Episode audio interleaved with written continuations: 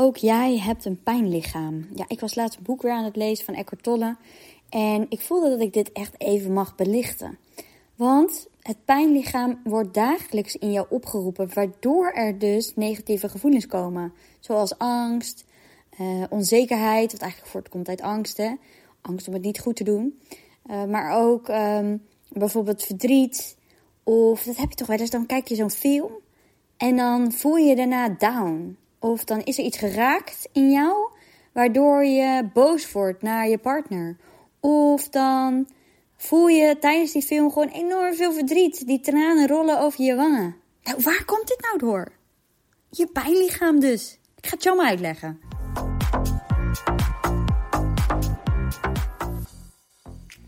Nou, een pijnlichaam bevat dus trauma's, negatieve ervaringen en allerlei herinneringen uit je leven, dus je verleden.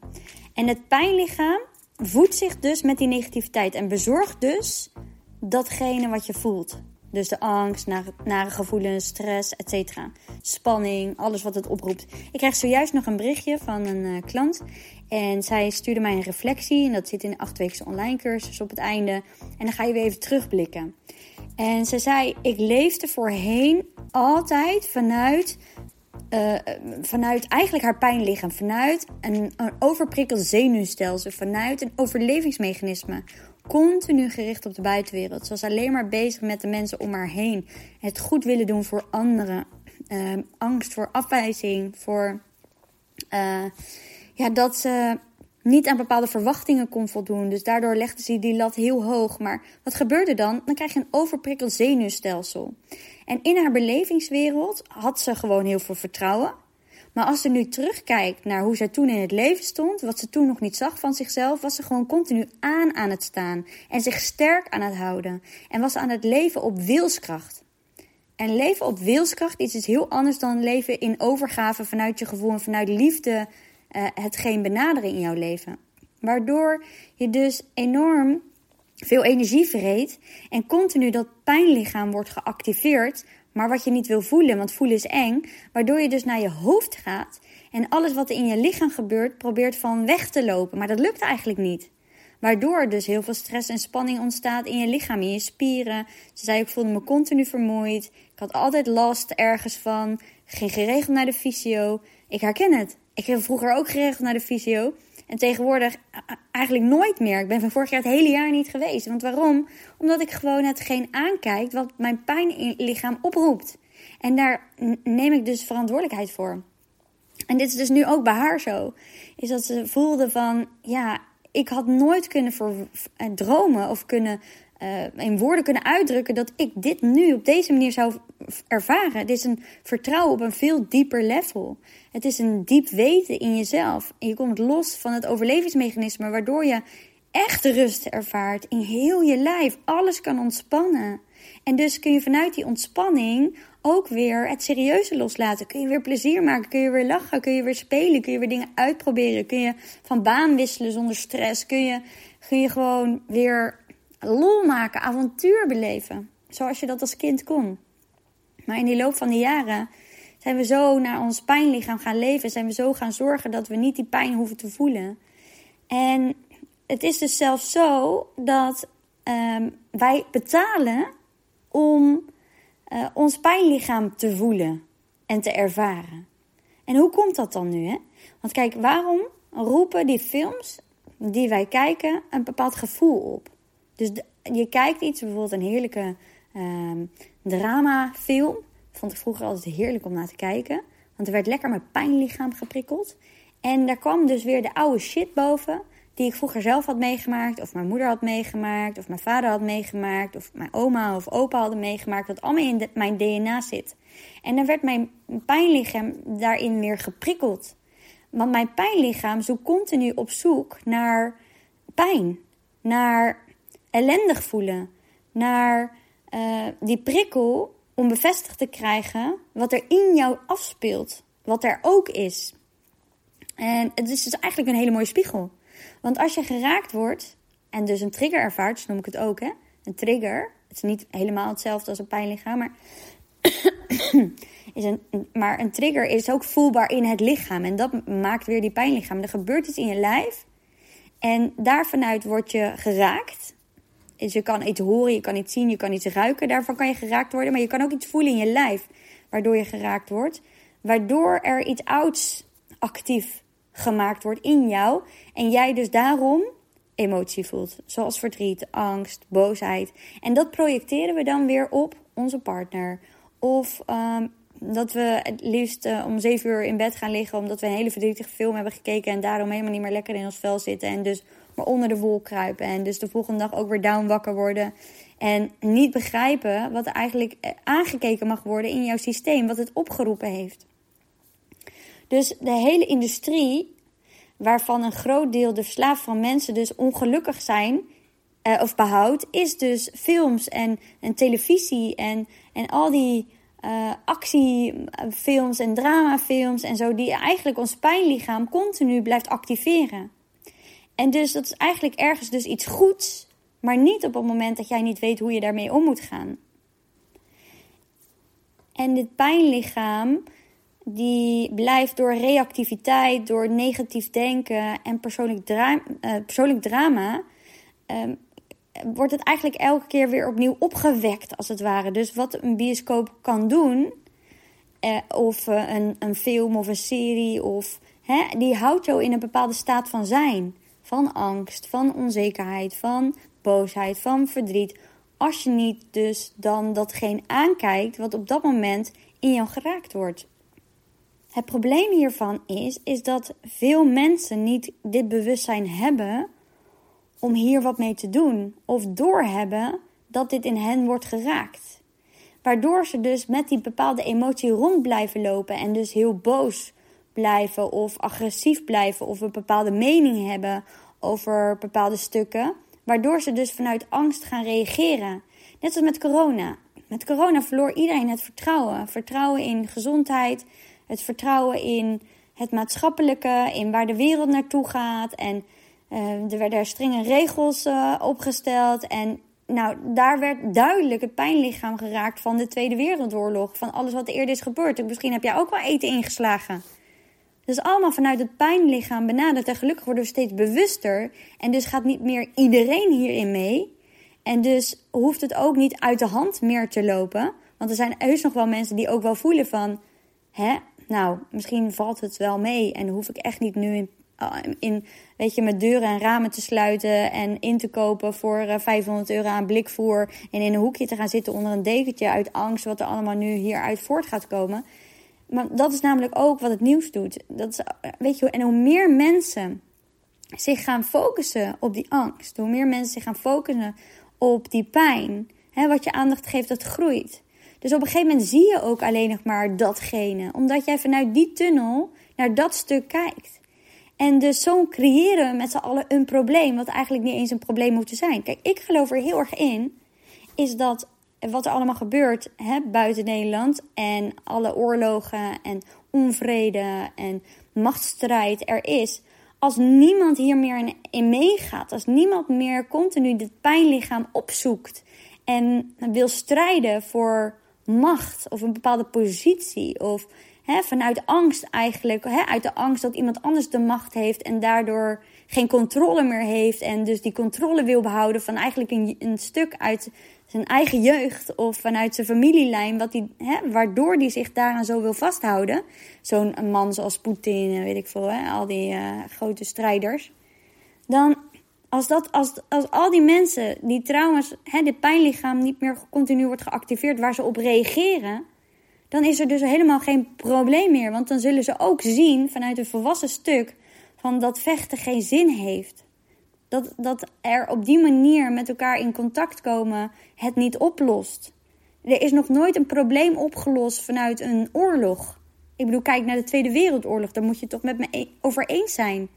Dus het is juist de bedoeling dat we hiervan ons bewust worden, ons bewust worden van ons pijnlichaam. En gaan voelen dat wij dit pijnlichaam niet zijn. Dat we dus daar helemaal niet meer vanuit hoeven te reageren. Dat we daar onze eigen verantwoordelijkheid in moeten nemen in wat we voelen op dat moment. Dat mogen doorvoelen en dan weer los mogen laten. Om vanuit daar weer helder te kunnen kijken naar een situatie. Naar een. een uh, naar bijvoorbeeld je partner of naar je werk of naar een vriendin of Kijk, stel, je hebt ruzie met je partner. En oh, hij zegt iets. Of hij, hij beweegt op een bepaalde manier. Net zoals wat je op een film kan zien, weet je wel. Of hij, hij praat vanuit een bepaalde intonatie. Zeg ik dat goed? Toon. Nou ja, je kent het. Dan kan dat iets raken in jou. Er kan dus een pijnlichaam in jou geactiveerd worden. En op het moment dat jij op dat moment, bijvoorbeeld vroeger bij mij met Rens, als Rens dan heel boos werd, dan werd direct mijn pijnlichaam geactiveerd. Onveiligheid. Dus ik ging of in de verdediging, want ik ga me niet meer in een, een hoekje laten schreeuwen. Of uh, ik uh, liep weg en ik ging uit contact, waardoor die eigenlijk nog bozer werd, en nog bozer werd, en nog bozer werd. En dat, dat werd, dat, die onveiligheid werd continu in, in mij getriggerd, werd continu, kwam dat terug in mijn leven omdat die pijnlichaam in mij zat. En ik voedde dat door bijvoorbeeld een bepaalde opmerking naar hem te maken. Wat misschien ook niet zo handig was. Want dat is wel wat we doen. We lokken vaak dan ook iets uit om dat, die reactie te krijgen die uh, ons pijnlichaam wil activeren vanuit onze jeugd.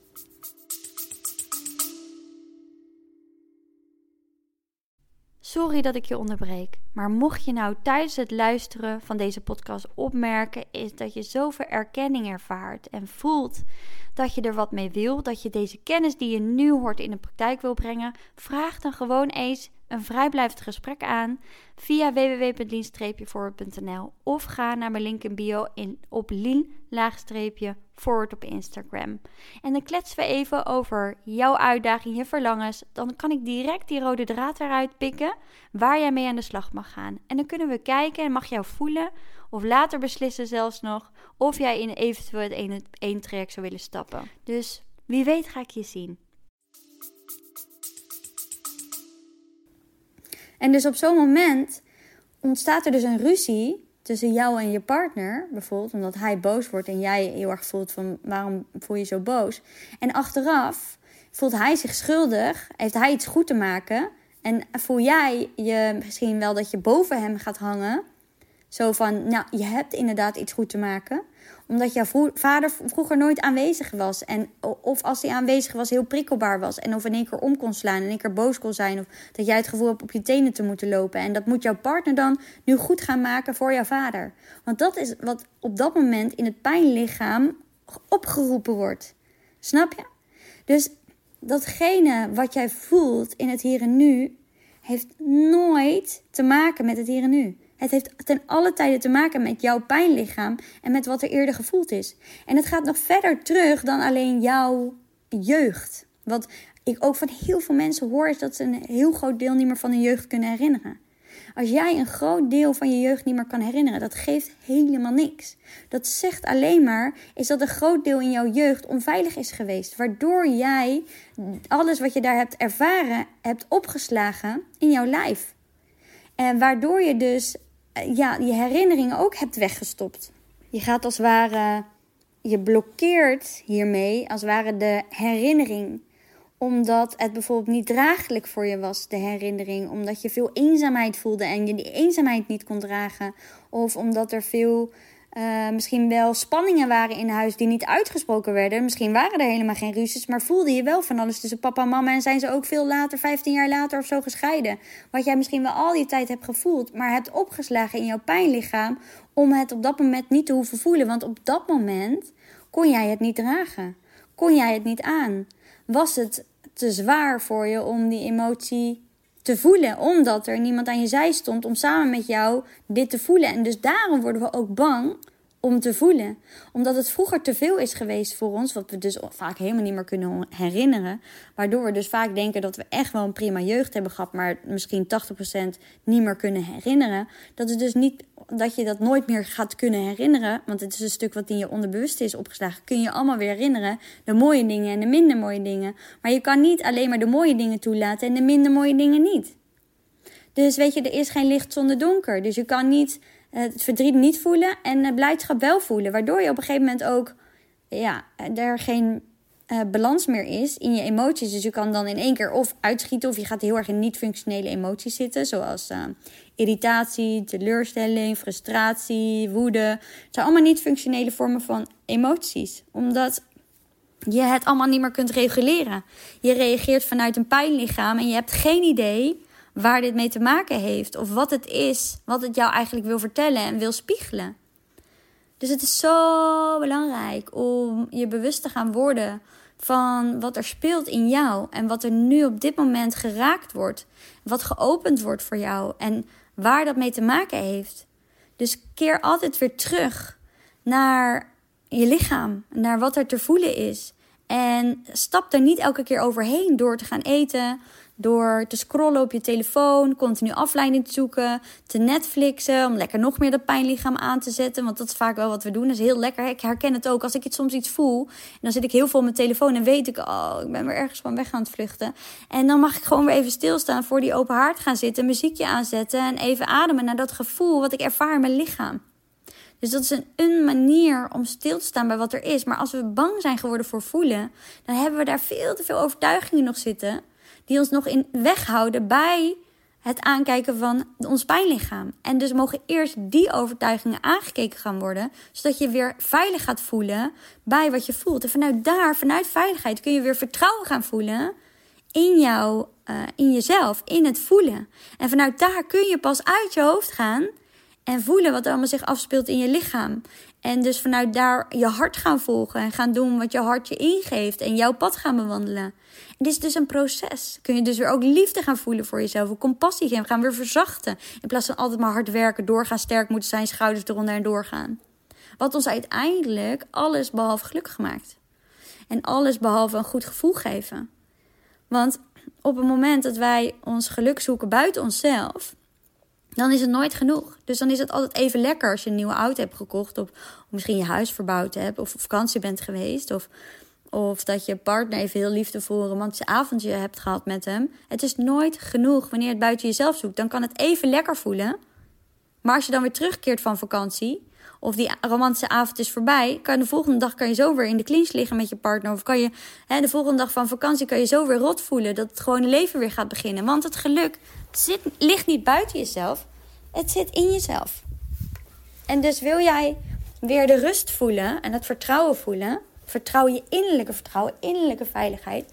En je goed voelen met jezelf. En vanuit daar richting geven aan je leven. Dan is het dus belangrijk om weer te gaan voelen wat er allemaal in je lichaam zich heeft afgespeeld. Zonder de hete daarvan te vluchten. En dus afleiding te zoeken op een manier. Nou, voel je dat je iets wil met het pijnlichaam, dat je iets wilt met je triggers, iets wilt met alles wat weggestopt is, om uit je hoofd te komen en weer te gaan voelen wat voor jou de bedoeling is. Wie jij bent, wie jij daadwerkelijk bent onder al deze, ja, eigenlijk deze hele programmering. Wat niet eens alleen van jou is, hè, maar ook van jouw ouders en van jouw voorouders. Wat je allemaal hebt overgenomen, wat allemaal in jouw DNA zit en waar je los van mag komen. Dan werk ik heel graag met mensen die daartoe bereid zijn. Die bereid zijn om verantwoordelijkheid te nemen en die openstaan om terug te gaan naar eh, deze stukken. Om daar die kern, die wortels eruit te gaan trekken. Zodat je weer gaat voelen wie jij bent, wat de bedoeling is voor jou, wat jij wilt wat en hoe je dan deze grenzen kan aangeven. En dus ook achter je grenzen kan gaan staan, achter je keuze kan gaan staan. En dus vol in het leven kan gaan staan, kan gaan leven in plaats van overleven. En dus die rust vindt en dus daardoor lekker gaat slapen, balans vindt in eten, een, een verbindende relatie aangaan en hebben. Met, je, met jezelf, maar natuurlijk ook met, met je partner als je die hebt. En of met je kinderen of je kinderen die je in de toekomst gaat willen. Want we projecteren ook alles op onze kinderen. En als er een moment een pijnlichaam continu wordt geactiveerd, is het wel als je kinderen in huis hebt rondlopen. Die elke keer weer een bepaalde uh, leeftijdsfase van jou spiegelt van vroeger, wat jij bent vergeten. En op het moment dat jij dit vergeten bent en jij dus. Even de deur dicht. De kinderen komen net thuis. Ga ik zo naartoe. Maar als jij dus iets vergeten bent van die fase. En je kunt je dus niet herinneren en jouw pijnlichaam wordt geactiveerd als een van je kinderen boos wordt of huilt of slaat of iets doet. Waardoor je echt gigantisch boos wordt. Uitvalt. Of uh, eigenlijk wil weglopen, je vingers in je oren wil doen, omdat je niet tegen het gehuil kan. En het liefst zo snel mogelijk af, wil. Door bijvoorbeeld uh, een snoepje te geven of een oplossing te bedenken. In plaats van je de emotie er kan laten zijn van je kind. Dan wil dat iets zeggen over jou. Dat zegt dus niks over het kind. Want het kind mag gewoon emotie hebben. Dat zegt wat, dat het wat raakt in jou. Jouw pijnlichaam wordt geactiveerd op een moment dat een kind iets uit wat jij vroeger niet hebt kunnen uiten. Misschien kon jij vroeger niet boos zijn. Zeiden je ouders inderdaad, je moet sterk zijn, kom op, schouders eronder, op, niet doorgaan. of zetten jou, weet ik veel, naar je kamer als je boos was. Of, nou, dat heeft allemaal invloed nu op jouw leven. En dus jij kan je kinderen niet echt zien op het moment dat jouw pijnlichaam wordt geactiveerd. Dan zie jij dus jouw stukken van vroeger. En dan kijk je door, jou, door de bril van jouw verleden naar je kinderen. En je kinderen voelen dat als die verbinding er niet is, die voelen dan dat er een kind is en niet een volwassen mama. En die reageren daar weer op. En die zullen daar dus last van krijgen omdat zij dus niet de verbinding zoeken. Dus wat krijg je dan? Dan krijg je kinderen met ADHD die heel druk gaan worden. En die uh, op een bepaalde manier aandacht gaan vragen en onrust krijgen. Omdat ze de verbinding niet voelen met papa of mama, kunnen ze ook de verbinding niet meer voelen met zichzelf. Ze raken ze al zo jong zichzelf kwijt. En dus is het zo belangrijk al heb je nog geen kinderen, go for it. Weet je wel, onderzoek dit. Heb je kinderen, het is nooit te laat. Weet je, jij kan dit nog steeds veranderen. En ik zeg niet dat het jouw schuld is als kinderen een bepaald gedrag vertonen. Maar ik geloof wel dat de oplossing altijd in de ouders zit. En tuurlijk heeft het kind ook een lot. En tuurlijk, en, maar ik zie het nu ook. Die van mij zijn nu 6 en 4, bijna 7 en 5. Alles wat wij oplossen, Rens en ik, mijn partner, en hoef je partner niet eens daarin mee te werken, want die verandert vanzelf wel mee. Maar is ja, dat zie ik terug ook weer in mijn kinderen. Ook in mijn relatie uiteraard, maar ook in mijn kinderen. Ibe was bijvoorbeeld mijn jongste, die bijna vijf wordt. Die was vroeger heel boos en heel driftig. En ik kon echt gooien, slaan, alles erop en eraan. En nu was ik voor morgen was hij even boos. Hij was boos omdat hij liep met vieze schoenen door het huis. Ik had tegen hem gezegd dat hij zijn schoenen uit moest doen, dat hij terug moest lopen. Dat wilde hij niet. En ik reageerde vanuit boosheid, vanuit nu moet hij die schoenen uit. Pakte ik hem op. Ik zeg, dan ga ik je nu oppakken en naar de gang brengen. En toen bracht ik hem naar de gang. Daar was, was hij natuurlijk niet oké mee. Want het was, is ook niet oké om je kind zomaar op te pakken. Maar ook ik, vooral in, dan op dat moment in mijn pijnlichaam. En ik voel dan, jeetje, je bent heel de tapijt aan het verpesten. Want die is wit. Misschien moet je ook geen wit tapijt hebben met kinderen. Maar wij hebben altijd schoenen uitwinnen.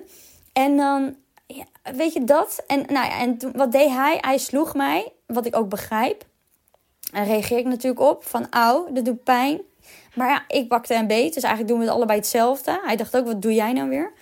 En hij stond bij die deur en ik zeg, oh sorry, sorry, ik had niet zo moeten reageren. Wat ik had moeten doen, is moeten vragen of jij even je schoenen uitdoet.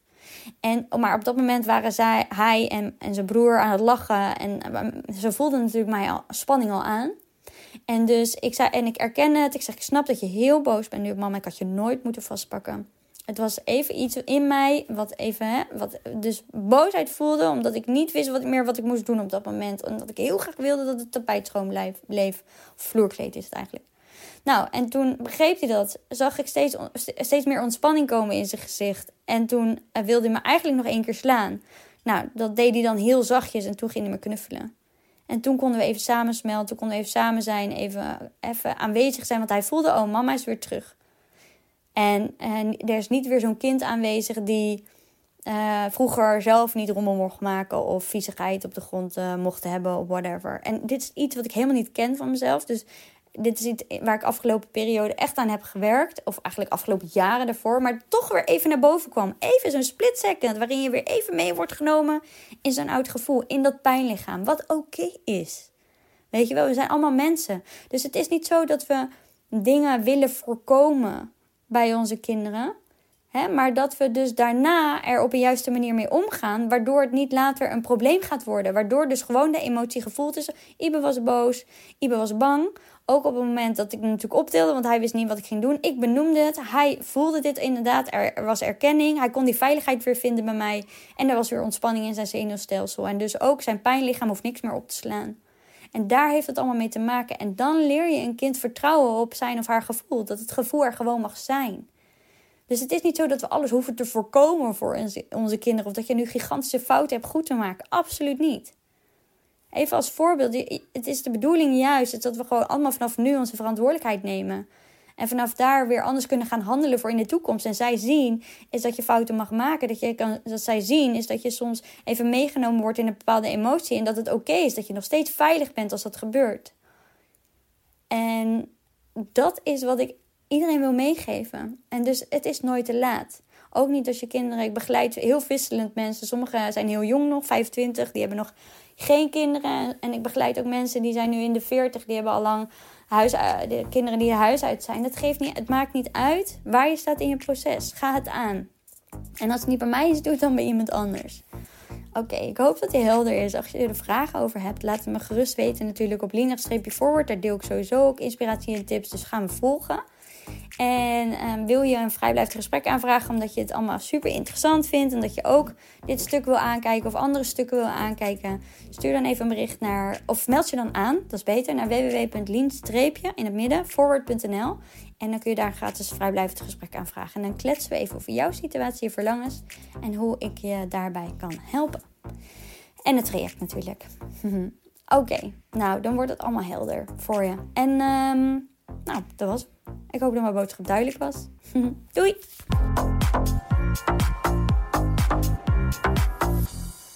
Leuk dat je geluisterd hebt naar deze Lean Forward podcast. Mocht je voelen, ja, yeah, te gekke podcast, hier heb ik echt wat aan. Dit inspireert me. Ga dan zeker even naar de reviews bovenaan en laat 5 sterren achter. Want zo word ik beter vindbaar en kunnen we nog veel meer mensen inspireren om uit hun hoofd te gaan en meer zelfvertrouwen en zelfliefde te voelen. Oh, en by the way, als je me nog niet volgt op Instagram, doe dat dan zeker op lean-forward. Want daar deel ik ook dagelijks tips en inspiratie om uit je hoofd te komen en ook je beste leven te gaan leven.